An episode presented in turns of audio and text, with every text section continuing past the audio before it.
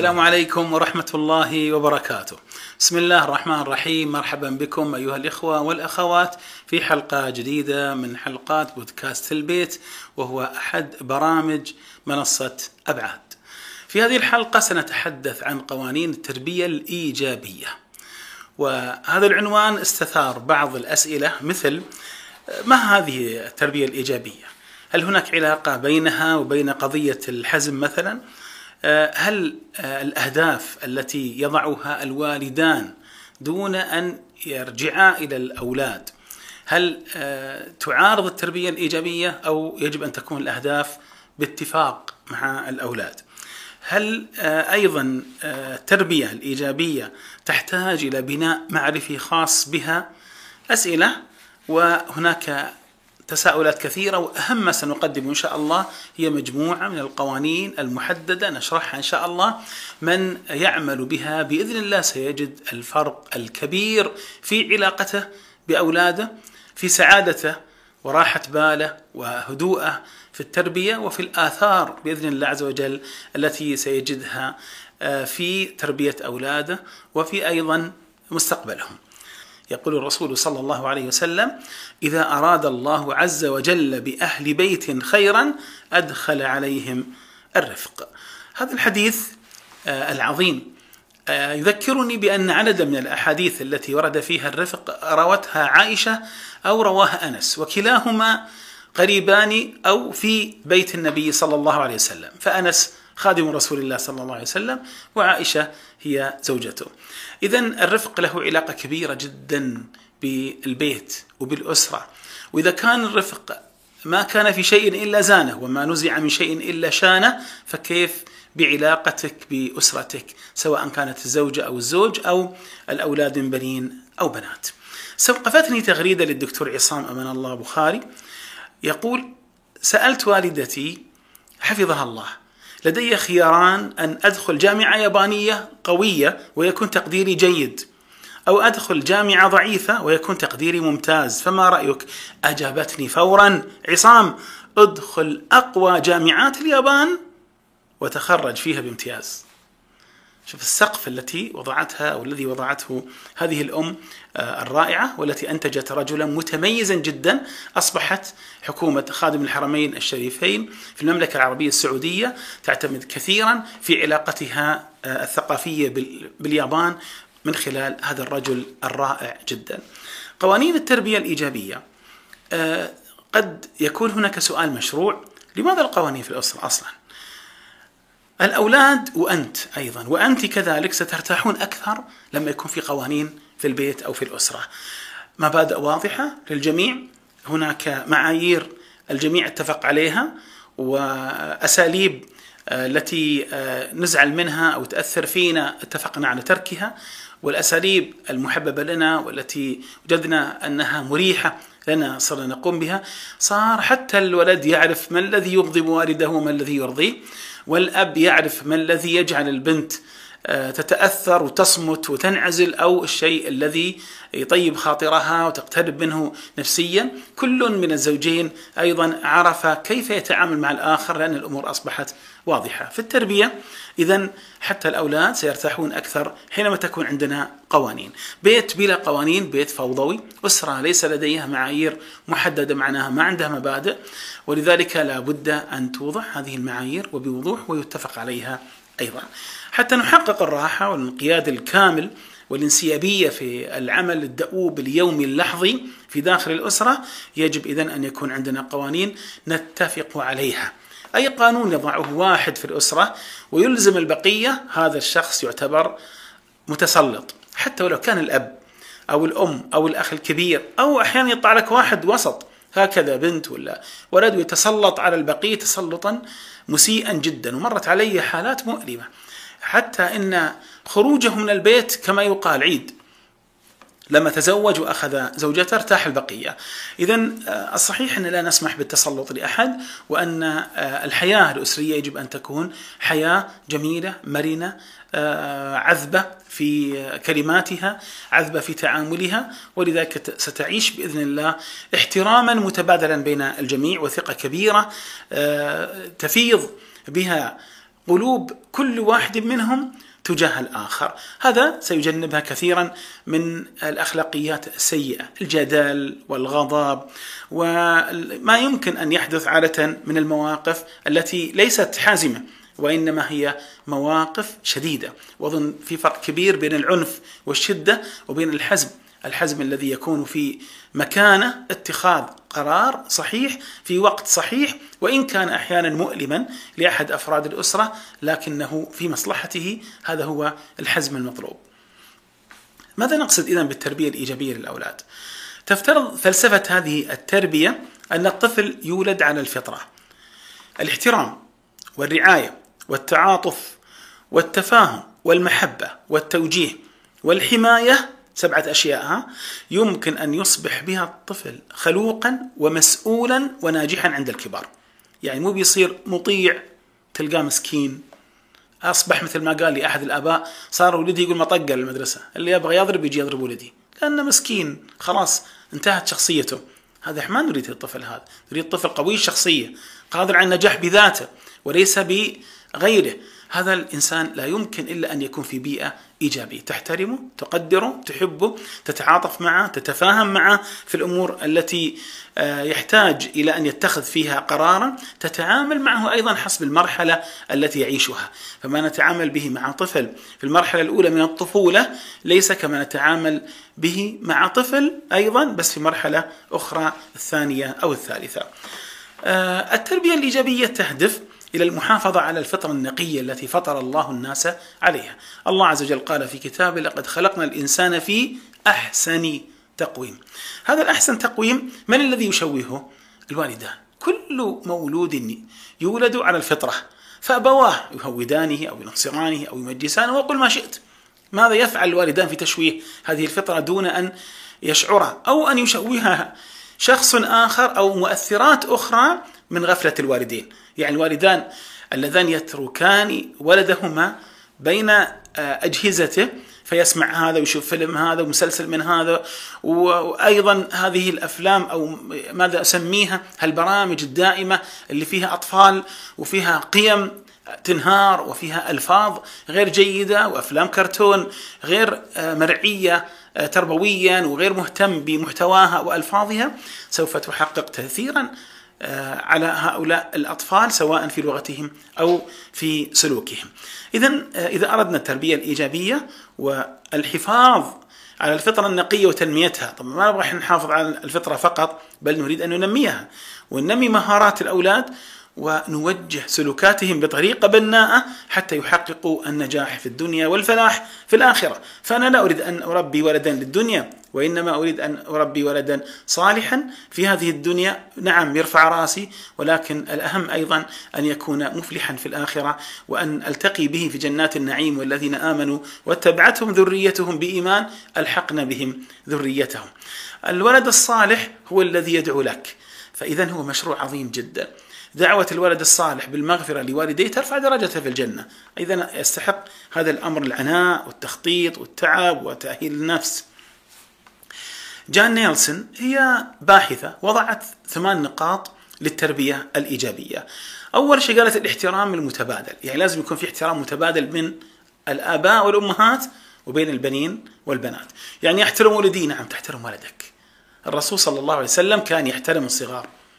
طفل يموت عنده طير يجلس الرسول صلى الله عليه وسلم حتى يكون في مستوى الطفل ثم يواسيه. ما فعل النغير يا أبا عمير؟ طفل أو غلام في سن عبد الله بن عباس رضي الله تعالى عنهما يأتي يكون دوره في شرب اللبن على يمين النبي صلى الله عليه وسلم والأشياخ عن يساره أبو بكر وعمر. يعني ثاني رجل في الإسلام وثالث رجل في الإسلام. ومع ذلك يستأذن منه حتى يعطيهما.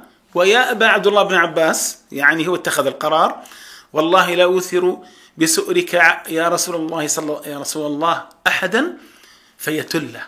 في الحديث تله في يده. فيأخذ هذا الإناء ويعطيه ابن عباس. شفت الاحترام هذا والتقدير؟ ويدعو له كما نعلم اللهم فقهه في الدين وعلمه تأويل ويخرج ابن عباس. هذا البحر من العلم الذي أذهل الناس في وقت وقته وإلى قيام الساعة ونحن نرى هذا العلم يتدفق وتمتلئ به الكتب. احترام كبير. إذا احترمنا هذا الطفل فإننا سنعطيه المجال الواسع ليكون شخصية قوية. من أعظم الأحاديث التي تربينا وتربي أجيالنا احفظ الله يحفظك. هذا أيضا الرسول صلى الله عليه وسلم لقنه لابن عباس وهو يسير معه راكبا. آه، إذا هذا احترام. لما طفل وأعطيه كل هذا الاهتمام آه، غلام وأعطيه كل هذا الاهتمام هو سيشعر بأن شخصيته تستحق. فكيف إذا استشير؟ فكيف إذا يعطيه مهمة؟ أن اذهب تعلم هذه اللغة فإننا بيننا وبينهم كتب. فيذهب ويتعلم هذا الشاب ويأتي إلى الرسول صلى الله عليه وسلم. وقد تعلمها في بضعة أيام. وزيد رضي الله تعالى عنه. إذا وانظر أسامة بن زيد. حينما الرسول صلى الله عليه وسلم أعطاه مهمة عظيمة وهي قيادة جيش إلى الروم في شمال الجزيرة. وتحت هذه الراية أبو بكر وعمر وهو عمر 17 سنة. إذا هذه الثقة الكبيرة هذا كله احترام وتقدير. لكن نريد أن نجيب عن السؤال اللي طرحناه في البداية وهي قضية علاقة الحزم بالتربية الإيجابية. الحزم واللطف والحب هو مجموعة رائعة جدا. تتكون منها التربية الإيجابية. مع الاحترام ذكرناه كل موقف يجب أن يمتلئ بهذه الأمور كلها. أحترمه أقدم له الحب أنا أحبك ومع ذلك ممكن وأنا أقول لا أحبك ممكن أجد أن الموقف هذا يحتاج إلى موقف آخر آه، تأديبي يحتاج له الولد حتى يفهم أن هذا السلوك الذي خرج من غير مناسب حتى لا يكرره مرة أخرى. هذه آه، التربية الإيجابية. ولذلك مما يحقق الاحترام آه، عدم قبول أي تجاوزات من الأولاد في تقدير الآباء والأمهات. يعني معلش نسأل الله يعافينا وإياكم. من كل بلاء ومن أعظم الابتلاءات عقوق الأولاد. يعني أن تقول لي أم أن ابني يضربني. نعم تقول لي هذا الأمر. تقول لي يقول لي أب أن ابني يدفعني ويرفع صوته علي ويدعو علي. هذا لا شك أن هذه منين جات؟ متى بدأت؟ أنا أذكر أمي حفظها الله إذا أحد أخواني الصغار اللي أصبحوا الآن يعني كبارا بل أجدادا وهم في طفولتهم وأنا الولد الكبير إذا واحد منهم تعرفون الولد إذا أخذته أمه ومنعته من شيء يبدأ إيش؟ يحاول إنه يدافع عن نفسه. فعلى طول تقول أوه تجمعوا يا الأمة ترى فلان طق أمه. تكبر القضية ذي عند الطفل وخلاص يشوفوا هذه قيمة لازم إذا يتعلمها يبدأ يتعلم ما تقبل منه. ولذلك لا تقبلوا من أولادكم وهم أطفال. هذه الحركة ذي اللي يسويها الطفل بطريقة عفوية أحيانا. فكيف عاد إذا كبر ولا رفع صوته عليك ولا تكلم عليك؟ لا. أنا الحين قاعد أقول لك احترم ولدك. قدر ولدك. فكيف أن تقبل أن لا يحترمك ولدك أو آه، أن يقدرك؟ ولذلك نطلب من آه، يجب على الأولاد أن يعتذروا من آبائهم وأمهاتهم إذا أخطأوا في حقهم وكذلك العكس يمكن أن يكون هذا الاحترام المتبادل اللي تكلمنا عليه. طيب الآن ما هي النقطة الثانية؟ من النقاط الثمان أو القوانين الثمانية في التربية الإيجابية. هي فهم المراحل العمرية. طفل التسعة أشهر آه، هو ليس فوضويا. حينما تجده يروح يلعب ويرمي آه، ألعابه ثم يتركها. أبدا هو عنده شغف بالاستكشاف. فكل شيء من حوله يحاول يبحث عن ماذا وراءه. يعني لو هذا الطفل راح يزحف إلى المطبخ يحبو ودخل وهو يستطيع يفتح الطاقم المطبخ بيطلع كل المواعين. هو مو لا يريد أن يخرب. أنت فاهم غلط بس. هو يريد أن يستكشف هذه الأشياء. يعني شوف فيعرفها تعرفون الطفل اللي أكبر شوي؟ لو أخذ كأس وكسره أنت جي غاضب على الكاس اللي أنت كسرت مثله يمكن عشر مرات بس تزعل على ولدك. في نفس الوقت هو مشغول عنك. قاعد يطالع هالبلورات الجميلة اللي انتثرت. هذا الحدث العظيم. كيف كأس؟ ماخذ شكل معين ثم صار شكله مختلف داخل آه، على الأرض. أول مرة يشوف المنظر هذا. هو بالنسبة له عالم آخر غير عالمك فلما عاد تأتي الأم وتصفعه ولا تضربه ولا تنهره تخرب عليه هذا الجو اللي أبغى اشوفه يعني شجع عيالنا يكسرون. لا خله بس ينتهي من هالاستكشاف هذا. بعدين يا حبيبي أنت ما كسرت الحين ممكن يجرحك. بعدين عندنا كان عشرة كاسات صاروا الحين تسعة. أنت خربت علينا واحد. خليه يفهم القضية ذي عشان ما يكررها مرة ثانية. خلاص حبيبي؟ إيه خلاص انتهى الموضوع. لكن المشكلة أن تكسر مع هذا الكأس خاطر ولدك. وتكسر في داخل ولدك قدرات الاستكشاف وحب التطلع في داخله. ستكسر أشياء كثيرة في نفسه. وهو كاس كم يعني قيمته؟ حتى حتى ولو كان له قيمة فولدك أكثر قيمة. خليني أقول لكم لو واحد دخل عندك أيها الأب المحترم مقدر من أصدقائك وعنده طفل وانت حاط لك تحفة من أجمل ما يكون في المجلس ودافع فيها قيمة وقدرها. ثم جاء هذا الطفل اللي هو ابن صديقك ورماها في الأرض وكسرها. إيش بتسوي؟ تضربه؟ لا. فوق هذا بتشوف أبوه طبعا لازم يطلع عنتر مشدد ويحاول يثبت لك إنه مربي عظيم يبي يضرب ولده قدامك. فتقول لا لا لا والله افتح خشمة. إيش دعوة؟ هذا شيء ولا تراب رجوله طيب وطفلك؟ ولدك؟ فاذا هذه قضيه مرة مهمة عشان نعرف بس الفروق يعني. آه، مثلا الطفل بعد ما يبلغ الثانية يبدأ يقول أنا ويحب ما يعطيك كل ما ي... آه، كل ما تريد ولا يمتثل لكل أوامرك. هو لا يريد أن يكون عنيدا. فقط يحب يقول لك أنا إنسان مستقل ولذلك تكثر عنده لا لا. حتى على الاشياء اللي يبيها. أول ما تقولها لا يقول لك لا. أنت لا تخليه يقول لا أسألة أسئلة ممكن يكون فيها نعم عن طريق التخيير وعن طريق إنه ما في داعي إني أنا أسأل أسئلة أعرف أنه سوف يعاند فيها. أعطنا أمثلة. جالس طفلك أمام برنامج أنت رضيت له أن يشاهده. خلاص هذه مسؤوليتك عاد عن المحتوى. وبعد بعد ما جلس قوم جيب لي شيء فلاني. حط الشيء فلاني يقوم يقول لك لا. تقول له عنيد. لا. هذا الآن في الفترة ذي كأنك تستدر عنادة. ثبت علميا بأن عدد مما. من المواقف التي يعدها الآباء والأمهات أنها عناد أن الطفل ما فهم الطلب ما فهم من ماذا يريد أو أنه لم يسمع أصلا مشغول. فلما الأب يقول له قم سوي اللي قلت لك. يقول له إيش؟ يقول لا أنت تدري. من قال ها سمع. هو ما سمع. وحتى لو سمع ما فهم. فيجب اذا أن إحنا نعطي كل هذه الأمور الطبيعية. طيب طفل الرابعة لما يجيك من الروضة ولا عاد خاصة البنيات عاد هذول صناع الخيال. تجيك البنية من الروضة وتسمع أختها اللي في سادس آه، أو سا أو أولى أو حتى ثاني ابتدائي تقول لها الأمها والله يا ماما أنا اليوم سألتني الأستاذة آه، سألت سؤال لكل البنات وأنا اللي جاوبتها وصفقت لي وصفقوا لي البنات كلهم وأعطتني هدية وما أدري إيش. تقوم ذي اللي عمرها اللي في آه، سن أربع سنوات حتى ما بعد تروح الروضة يمكن. تقول لك حتى أنا ماما رحت المدرسة وتسوي لها قصة ثانية. موازية للقصة هذه. بعدين يقول لها بنت أمها؟ عيب كذب هذا. ليش تكذبين؟ هذه ما تكذب. هذه الآن تتخيل. طفل الرابعه عنده مشكلتان بالنسبة للأمهات. أما هو بالنسبة له فهي طبيعة المرحلة. انه يتخيل حتى تظن أنه يكذب أو أنه يريد يكذب. هو يريد أن يقول ممكن يصير. الأمر الثاني استكشاف العورات للأسف فيبدأ يحاول يطلع ويعرف شو الفرق بين البنت والولد وبين ايدر بشكل حقيقة يحتاج إلى فعلا تركيز واهتمام ويحتاج إلى آه، تأديب بطريقة مهذبة وإيجابية كما سنذكر. اذا نراعي هذه المراحل كلها. آه، مرحلة المراهقة وكل مرحلة لها أيضا خصائصها ولها بعض التصرفات اللي تحدث فيها وتحتاج منا إحنا كيف نتعامل معها. اذا الثقافة التربوية والقراءة في الكتب ومعرفة كيف نتعامل مع هذه المراحل على سبيل المثال كتب الدكتور حامد زهران كتب الدكتور مصطفى أبو السعاد إلى غير من هذه الكتب المتميزة والتي اهتمت بالمراحل آه، العمرية. الدكتور عمر المفدى أيضا له كتاب في المراحل العمرية وهذا إجابة عن سؤال أيضا من الأسئلة المتوقعة ما هي الكتب التي يمكن أن نستفيد منها في هذا الجانب؟ آه، النقطة الثالثة أو القانون الثالث من القوانين الثمانية هي الإنصات الفعال ومهارات حل المشكلات.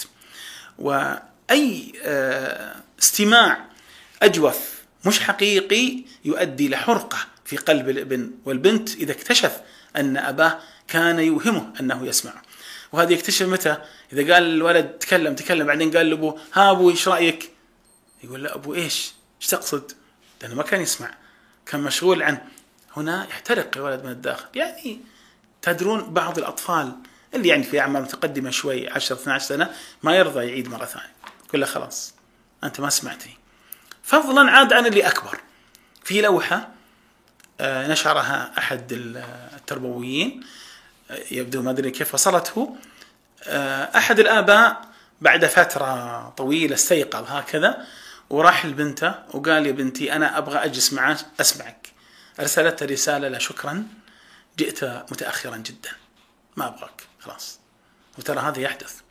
وبالمناسبة هذا رصدته أيضا حتى الأبحاث أن هناك عزوف يحصل عند الشباب بالذات من البنات أولا ثم الأولاد وقد يتصرفون تصرفات غير جيدة حينما يشعرون بأن الأب أو الأم قد آه، لم يهتموا بهم ولم يعطوهم الاهتمام الكامل. إذا نحتاج إلى الإنصات الفعال. آه، من الإنصات الفعال طبعا الاستماع الجيد إظهار التعاطف. طيب ما هو التعاطف؟ العطف ما حد يحبه. يعني تعطف علي معناه أنا, أنا أحتاج العطف. الشفقة ما حد يحبها. حتى اللي يحتاج إلى الشفقة ما يحبها. طيب إذا ما هو التعاطف؟ أن أشعر بشعورك. يعني هذا والله البنت الآن حزينة. أنا أدخل معها شوية في حزنها. مش معقول أنا أبدي فرحي و... وهي حزينة. فرحانة جاية فرحانة المدرسة أذكرها بتقصير معين. جاي تبي تقول شيء؟ يعني تبي تقول مثلا كرموني ولا أنا اخذت درجات كاملة في المادة الفلانية وما تقول لها كيف طلعتي ما سكرتي المكيف؟ صبر شوي. معلش المكيف الآن خلاص صار مشغل وانتهى الموضوع. لكن شوفي الشيء اللي عندها الحين سمعي منها. هذه القضية ذي مرة مهمة مع إنها بسيطة. آه، أيضا نشارك الولد في أفكاره. عنده فكرة معينة؟ خليه يطرحها. حتى ولو كانت ضدك إيه طيب شوف بس الصورة المتكررة هذه. بنت سمعت من الأفكار اللي آه، طرحت في الفترة الأخيرة وجات تشبعت بها وأرادت أن آه، تحاور والدها. أول ما بدأت في الأفكار إيه انت متأثرة بهالأفكار السيئة ذي. طيب اصبر شوي اسمعها يمكن مو كل الأفكار اللي تتكلم عنها يمكن بعض الأفكار اللي علقت في ذهنها وتريد أن تستفسر تشوف تجس نبضك. يعني ما بعد تؤمن بها. فلما تقول لها لا ما الذي يحدث؟ الذي يحدث أنك وضعت أمام هذه الأفكار التي سكنت في عقل بنتك أو في قلبها بعد أحيانا آه، حاجزا ولم تعرفها. كيف تعرفها وانت سكتها؟ يعني إيش؟ يعني خلها تقول حتى ولو كانت تقول غلط. طيب لو رفعت صوتها خلها تتكلم حتى رفعت صوتها. التأديب بعدين. انك تقول لها أنا أبوك. الطريقة اللي أنت تكلمتي معي مو صحيحة بس مش الآن. الآن عندنا شيء أخطر. هناك هناك خلق هناك فكر. الأخطر من الخلق وش هو؟ الفكر. طيب ليش؟ لأن عن الفكر يصدر الخلق. دائما السلوك السلوكات اللي نتعامل بها هي نتيجة أفكارنا. فما دام في أفكار لا أنا أركز على الأفكار الحين. بعدين تتعدل السلوك والأفكار والأخلاقيات مع تعدل هذه أو تعديل هذه الأفكار. آه، أيضا عدم الإسراع بإصدار الأحكام. وعلى المثال اللي قلنا قبل شوي لما يقول أنت كذا. يعني وصم الولد أو البنت بأشياء غير جيدة وبتصنيفات غير جيدة أنت إنسان مثلي أنت مثلي يعني ها؟ مش مثلي. يعني أنت إنسان أنت إنسان فيك عندك اضطراب في الهوية الجنسية أنت صنعها هنا أنت إنسان نرجسي. على طول أنت يعني تعال هذا يحتاج والله إلى متخصص عشان يقدر يصنف هذا الاضطراب إذا كان في اضطراب بعد. مو لأنك سمعت نص كلام من هنا ولا تغريده في مكان صرت أعطيت نفسك الحق لتصنف ولدك. تعرف ماذا تصنع؟ كأنك تدفعه دفعا إلى هذا السلوك الخاطئ أو يروح يبحث فيه أكثر وقد يؤمن به. آه، من الأشياء الجميلة في هذه النقطة أو في هذا القانون توصيف مشاعره. لو وصف مشاعره هو قال لك أنا والله اليوم أنا مقهور قلت له أجل حزين يقول لك لا أنا مقهور يا أخي في فرق بين حزين ومقهور. لا قل له أنت مقهور من قهرك. يعني لابد أن تستخدم مسمى مشاعره. التي سماها هو. وإلا فلن تستطيع أن تتعاطف معه. مثلا يقول لك أنا مظلوم. لازم تقول له من ظلمك؟ ما تقول له من قهرك هنا ها؟ لأنه قال ظلمني. فإذا تمشي مع نفس المسمى. هذا دون شك يعني. وفي مع هذا كله لابد أن اعلمه ما هي طريقة حل المشكلات. وهي أن نحدد المشكلة نضع مجموعة من الحلول نختار أفضل هذه الحلول ثم نبدأ في التنفيذ ثم نتابع آه هذا الأمر آه فيما بعد ونشوف هل فعلا الحل اللي اخترناه صحيح أو لا. القانون الرابع من قوانين التربية الإيجابية الثمانية التشجيع بدلا من المديح. تشجيع يعني آه، أن أتحدث عن سلوكه وعن إنجازاته. لقد أصبحت ماهرا في حل هذه المسألة. ما شاء الله الرياضيات أصبحت عندك سهلة يا محمد. آه، أنت كنت تقول شيء والآن أفضل. أحسن ما تقول لا أنت عبقري. لماذا؟ لأن الطفل سوف يتحمل مسؤولية أنا عبقري هذه. فلا يسمح لنفسه أن يخطئ طيب لازم يخطئ وإذا أخطأ ما الذي يحدث؟ يصير عنده نوع من الإحباط الشديد والتأثر الشديد وشعوره بأنه كأنه فقد هذا اللقب الذي لقبه به والده. مدح الذات أيضا سيؤدي إلى البحث الدائم عن حافز خارجي. دائما ما يمشي إلا بدف زي ما يقولون. ما حد مدحني ما أمشي. ولذلك ترى بالمناسبة نسأل الله يعيننا على أنفسنا ترى. يعني هذه القضية أنا أنبه آه، نفسي إليها وكل الناس اللي يعملون ويحاولون أن ينجزوا. انتبه لا تربط عملك بمدح الآخرين والثناء عليهم. لأن دون أن تشعر سوف تشعر بأنك تستجلب وتستمطر وتتسول ثناء الآخرين لما تقوم به من أعمال. لكنك إذا فعلت العمل وجودته لأن يكون عملا مثمرا ونافعا وترجو من الأجر عند الله سبحانه وتعالى وإن أخذت عليه أجرا من الدنيا فمو بعيب. يعني العلماء يقولون يجوز الأخذ الأجر على على تعليم القرآن وعلى الرقية الشرعية وعلى القضاء وعلى الإمامة وعلى كل الآن الإنسان حبس نفسه عن عمل معين يأخذ في مقابله. ولذلك أنت أيضا ستأخذ أجور عظيمة جدا جدا على تربيتك لأولادك من جانب. وأيضا ابنك حينما يعمل بعض الأعمال آه، هو لا تعلمه ولا تربطه بالثناء والمديح وإنما اربطه بالثناء على العمل الذي قام به. طيب آه، ممكن واحد يقول كيف أعرف أن أنا طريقتي وتربيتي الإيجابية هذه أدت إلى تدريل طفلي؟ آه، هناك مؤشرات يدل على أن التربية انحرفت من الإيجابية التربية الإيجابية إلى الدلال. ستجد الطفل مثلا عند نوبات غضب دائما يغضب ويبتزك آه، بغضبه. أما يبكي ولا يصرخ ولا يضرب في الأرض عشان تعطيه. ثم تسوي أنت؟ تعطيه. فإذا أعطيته خربت تربيتك الإيجابية هذه. التربيه الإيجابية قلنا فيها حزم. فإذا كان ليس من الصالح أن تعطيه هذا الشيء لا تعطيه. خلاص مثال. أنت حددت وقت معين وقلت والله الطفل اللي دون السادسة يستخدم الجهاز ساعة واحدة في اليوم. قبل انتهاء الساعة بربع ساعة يا محمد ترى باقي ربع ساعة بالضبط وبعدين أنا باخذ منك الجهاز. لا بعدين توني بعد ربع ساعة باخذه. بعد خمس دقائق ترى باقي عشر دقائق. بعدين بعد خمس دقائق ترى باقي خمس دقائق. بعد انتهاء خمس دقائق يلا يا محمد سلم الجهاز. مش أنت تاخذه من؟ سلم الجهاز. طيب ما سلمه؟ خذه من وأبعده عنه وقل له خلاص يعني بكرة إن شاء الله شوف لك كتاب ولا شيء لأن بكرة ما في ايباد ليش؟ لأنك ما أعطيتني الجهاز يوم قلت لك أعطني إياه. هذا التربية الإيجابية. تربية فيها سلوك حازم. ما فيها إيذاء ما فيها رفع صوت ما فيها ضرب ما فيها إهانة ما فيها تقليل من الذات لكن لازم يتعلم النظام. وأن هناك نظام يجب أن آه، ديننا كله نظام. لو واحد أفطر عمدا قبل دقيقة صار مفطر. ولو أنه أكل بعد دخول الوقت بدقيقة وهو يعلم أن الوقت دخل وقت الصيام يكون أفطر. لو أنه صلى قبل الأذان بوقت صلاته باطلة ويجب عليه أن يعيدها دين منظم دين رائع جدا يعلمنا كيف نكون منظمين طول حياتنا. أيضا من العلامات أيضا تلبية الرغبات.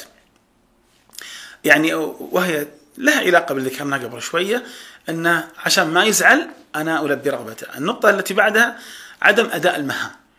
لأنه مدلل فعلى كيفه ممكن يقدم ممكن ما يقدم. لا أنا ممكن أسوي شيء مقابل هذا الأمر. يعني كلفته بمهمة ما سواها. وانتهى دوره. خلاص ما يمدي يسويها. راح وقتها يعني. طلب طلب عقبها مباشرة. أنت قل لا أنا هذا الطلب لن ألبيه حتى أن تشعر بشعوري. لما أنا طلبت منك الطلب اللي قبل شوي وما أديته أنت. لن أؤدي لك هذا الأمر ولن أفعله. خلاص ولن هذه ما فيها رجوع مرة أخرى. كلمة حازمة. طيب إيش بيسوي الطفل؟ بيقول لك خلاص يا بابا هذه آخر مرة. قل طبعا هذه آخر مرة بس أنا لن ألبيها أيضا. هذا الحزم هو التربية الإيجابية. أيضا آه تجاهل العواقب. يعني الطفل يبدأ يتجاهل ماذا قد يحدث لو أنه فعل هذا الأمر أو قاله.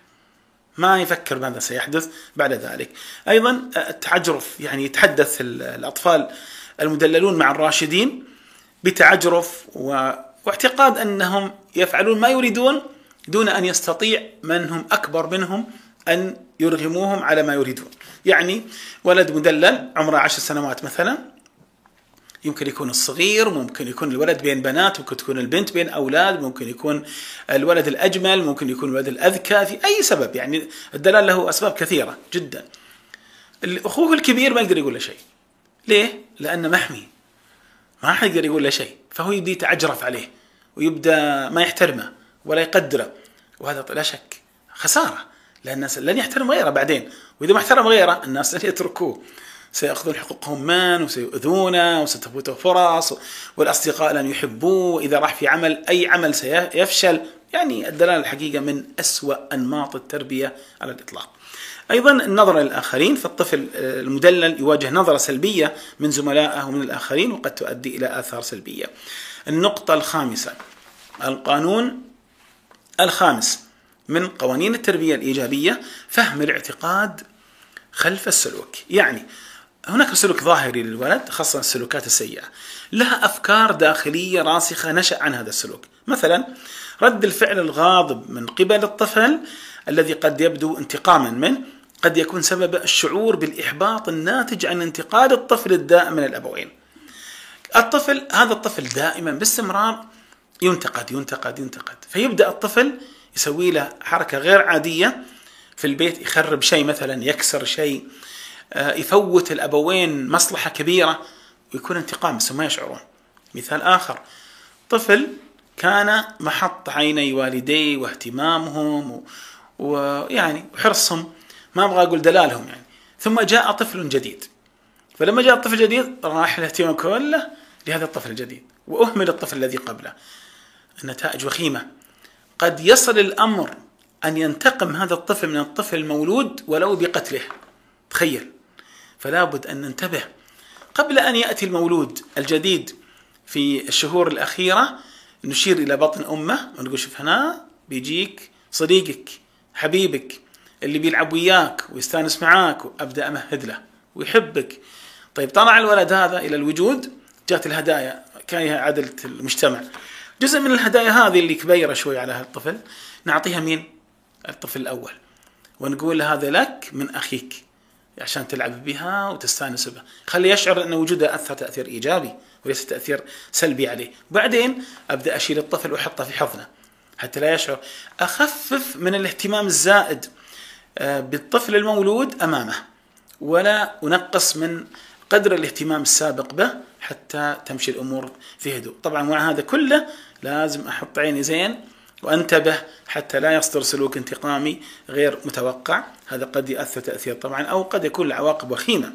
التربية الإيجابية اذا تحث على تغيير المعتقدات بدلا من التركيز على تغيير السلوك الظاهري بحيث أن إحنا نجلس مع الطفل ونوضح له إذا اكتشفنا أن عنده سلوك انتقامي آه، ونزيل الأسباب التي في ذهنه وفي خاطره وأدت إلى هذا الفعل الخاطئ الذي عزم أن يفعله أو فعله بالفعل. نأتي للقانون السادس وهو العواقب للعقاب. اسلوب العاقبة هو من أنجح طرق التهذيب.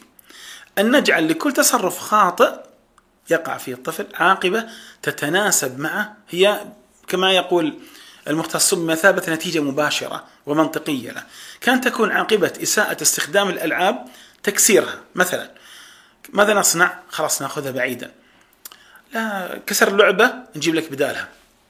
يكسر اللعبة اللي بعدها وصل الأمر إلى أن أحدهم مرة قال لي أنه اشترى لولده سيارة وجديدة. الولد أخذها فحطبها وكسرها.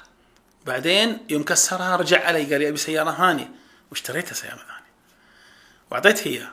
وأخذها وفحطها وكسرها. طبعا الكلام هذا من والده وعليها شهود بعد اثنين أظن كانوا وياه. فثاني مرة. وأيضا راح وكسرها واشترى الثالثة. قلت له الله يا أخي تصلح يصلح أصير ولدك ولو فترة قصيرة. يعني أنت إيش؟ صحيح أنت يعني فعلا شريت له ثلاث سيارات ورا بعض؟ قال شو أسوي؟ يقوم الدنيا علي بدري. يعني صار الولد يتحكم في أبيه. كل ولد تشتري سيارة إذا أنت كنت مقتدرا مرة واحدة فقط بس مرة. إذا كسر السيارة دي أو خربها قل له الله يعينك عاد تشتغل أنت عشان تشتري لك سيارة أخرى. طيب ما يقدر خلاص مش لازم هو كسرها. لو اشترى سيارة أقل بكثير ومستعملة أقل بكثير من اللي انشريت له بس من جهده أو على الأقل المبلغ الأكبر منه دراسته ولا ما أدري إيش يعني ولا اشتغل ولا المهم انه اشترى سيارة ستجد يحافظ عليها جدا لأنه هو الذي اشتراها. آه نفس الشيء أي شيء الطفل لا يقوم أو لا يقوم بحفظه يخسره. إذا بدلا من العقاب البدني أو اللفظي أو حتى النفسي وكما يفعل بعض كتب التربية للأسف فيها شيء أنا أحذر منه الحقيقة وهو أن الطفل يحبس في مكان وهذه يسوونها يعني يعمل به في الغرب للأسف أو في بعض دول الغرب أن يعتبرونه من التأديب سكر عليه في غرفة ما فيها أحد انتبه الغرفة لا يكون فيها أي شيء مسلي حتى يعني بالفعل يذوق والله كأن ندربه على السجن مسكين. وبعدين شافوا أحد الأطفال أراد أن يعلق نفسه في سلك المكيف اللي عادة ينزل كذا من المكيف العادي. يريد يعني يذبح نفسه صار الحاله وإذا صار في آه، دورات المياه قد يؤذي نفسه بالأدوات الموجودة في دورات المياه. الصحيح طبعا هذا خطأ. وإذا أردت أن تقوم ب من هذا النوع ممكن كرسي جنبك يجلس عليه وتطلب منه ألا يقوم بدقائق بقدر عمره. يعني عمره خمس سنوات يجلس خمس دقائق. عمره سبع سنوات يجلس سبع دقائق ما يقوم. تقول له ما تقوم ولا تعطي شيء طبعا. حتى يحس أن أخطأ في حق طفل آخر ولا في حتى في حق نفسه أو فرط في شيء وأنت نبهت عليه. هذا يعني أنا أشوفه لا بأس به. وإن كان قوانين التربية الإيجابية يقولون ماذا يعني بعد؟ وليس وليس أن أصلا ما في عقوبة عندهم. النقطة السابعة هي التركيز على الحلول بدلا من اللوم. الطفل عندما يخطأ يسيطر عليه شعور بالذنب والعجز آه، لوم الأبوين له يزيده هما. آه، ولذلك زي ما قلنا إذا أخطأ الطفل فلا نلومه وإنما نجلس معه نبحث عن حل. مثلا يوم من الأيام جاك الولد وأتى بنتيجة ليست متوقعة. أقل بكثير من النتيجة التي يستحقها هو. افرض أنه يأخذ امتياز أخذ جيد. أو حتى أخذ جيد جدا. فليست هي درجته التي يأخذها. فلما تلومه شفت أنا قلت لك ذاكر بس أنت ما ذاكرت. شكلك قاعد تمشي مع ناس ضيعوك. هذا كله عبارة عن لوم لوم. لا الصحيح نجلس مع بعض اثنين ها؟ أب وابن أو أم أو ابن أو بنت. تجلس معه وتبدأ تسأله. تتوقع ما الأسباب اللي أدت إلى ضعف هذه الدرجة؟ هل لي أنا دور؟ أنا كأب قصرت معاك مثلا في شيء قل أنا قصرت وأنا مستعد أعدل هذا التقصير. وهذا يجعل الطفل يأمن يحس بالأمان وأن أبوي والله منصف معي ولو قال لك أبوي أنا قلت لك أن هذا الكتاب علي صعب. أي نوع؟ والله فيزياء كيمياء إنجليزي أي شيء. وقلت لك جيب لي واحد يدرسني أو يعلمني أو أنت تجلس معي. أنت ما جلست وأنا الحقيقة ذا فعلا أثر علي. اقبل من هذا الموضوع. مو تقول له إيه عشان بس ما تريد تطلع نفسك تحط الموضوع علي أنا. لا الصحيح أنك تقبل من هذا السبب وتعالج معه ثم تتفق معه على التغيير نحو الأفضل وهذا وضع مجموعة من الحلول ها؟ مش حل واحد حتى نختار الأفضل منها دائما. نجي الآن لآخر نقطة وآخر قانون من قوانين التربية الإيجابية وأن الأطفال يتصرفون بشكل أفضل عندما يشعرون بشعور جيد. الطفل سيء السلوك هو الطفل ينقصه التشجيع قاعدة من قواعد التربية. هناك عوامل أخرى تساعد في جعل شعور الطفل جيدا مثل إيش؟ تقدير أفكاره شكر على مجهوداته اجتماع الأسرة الدوري والاجتماعات الخاصة بالطفل وإشهار نجاحاته. طفل حصل على شهادة تقدير سواء من المدرسة من آه، تحفيظ القرآن من أي مكان. مو صحيح إنه يجي بابا شوف شهادة تقدير. آه ما شاء الله عليك. بس وخلاص. يا أخي والله بذل جهد كبير. يعني يحتاج تشجيع. خذها صورها حطها في آه، الواتساب الخاص بالبيت يشوفونه بقية إخوانه. إذا رحت الجدة وجدته معاه ترى والله ما شاء الله عليه سعد ممتاز وأخذ الشهادة الفلانية. يعني عطى شوي أطر هذا آه، هذا الإنجاز. إذا كان إنجاز مرسوم أو إنجاز آه، يعني عمل معين أيضا ضعه في مكان معين أو علقة حتى يشعر بأنه قدر. الطفل كلما شعر بشعور أجمل كلما قدم أكثر وكلما أنت ارتحت في النهاية. هذه البيئة للتربية الإيجابية ينتج عنها تعليم الطفل مهارات الحياة والمهارات الاجتماعية والتي تؤدي في النهاية إلى نجاحه وثقته الكبيرة في نفسه. وزي ما شفتوا يعني إحنا ما قدمنا معجزات ترى ولا مثاليات كما يقال وإنما الإنسان يستطيع بالفعل أن ينتج طفل يقدر كل شيء في حياته ويقدر الممتلكات اللي من حوله وما أعطي من فرص ويبحث عن الفرص الأفضل ويكون بإذن الله طفلا ناجحا مبدعا وفي النهاية سنجد أنفسنا إن شاء الله أمام طفل رائع. خذوا التجربة أختم بها. واحدة من الأمهات تقول كنت شديدة جدا مع بناتي. أنا بقراها لكم بالضبط. كنت شديدة جدا مع بناتي. فلما وجدت الشدة تضر بعلاقاتنا وتظهر أسوأ ما فيهم. قررت أن أسلك طريق الحب والحضن والاحترام ها؟ كلها عناصر موجودة في التربية الإيجابية. فوجدته أسرع طريق لقلب البنات وأصبحوا أكثر طاعة لي. وبعد أن كانوا معاندين يوميا أحضر بناتي وإن مر اليوم بلا حضن أناديها في اليوم التالي وأقول لها لك اليوم حضنان. حضن الأمس وحضن اليوم. وبالحب أصبح استقبالهن لأوامري أفضل بكثير مما سبق. وعم الهدوء أركان البيت ها؟ هذه اللي يبحثون الناس عنها اليوم يقولون البيوت السعيدة لا صوت لها.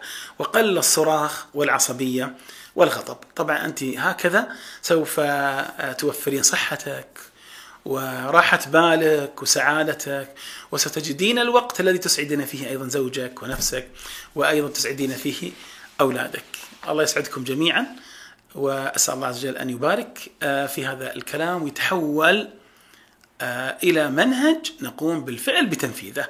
ونذكر دائما بقول الله عز وجل علم بالقلم ممكن ترجع مرة ثانية وتأخذ القوانين وتكتبها وتبدأ تنفذها بالاتفاق مع الطرف الآخر زوج أو زوجة. شكرا لكم وهذه تحية من أسرة وفريق بودكاست البيت وهو أحد برامج منصة أبعاد. إلى اللقاء في الأسبوع القادم إن شاء الله. والسلام عليكم ورحمة الله وبركاته.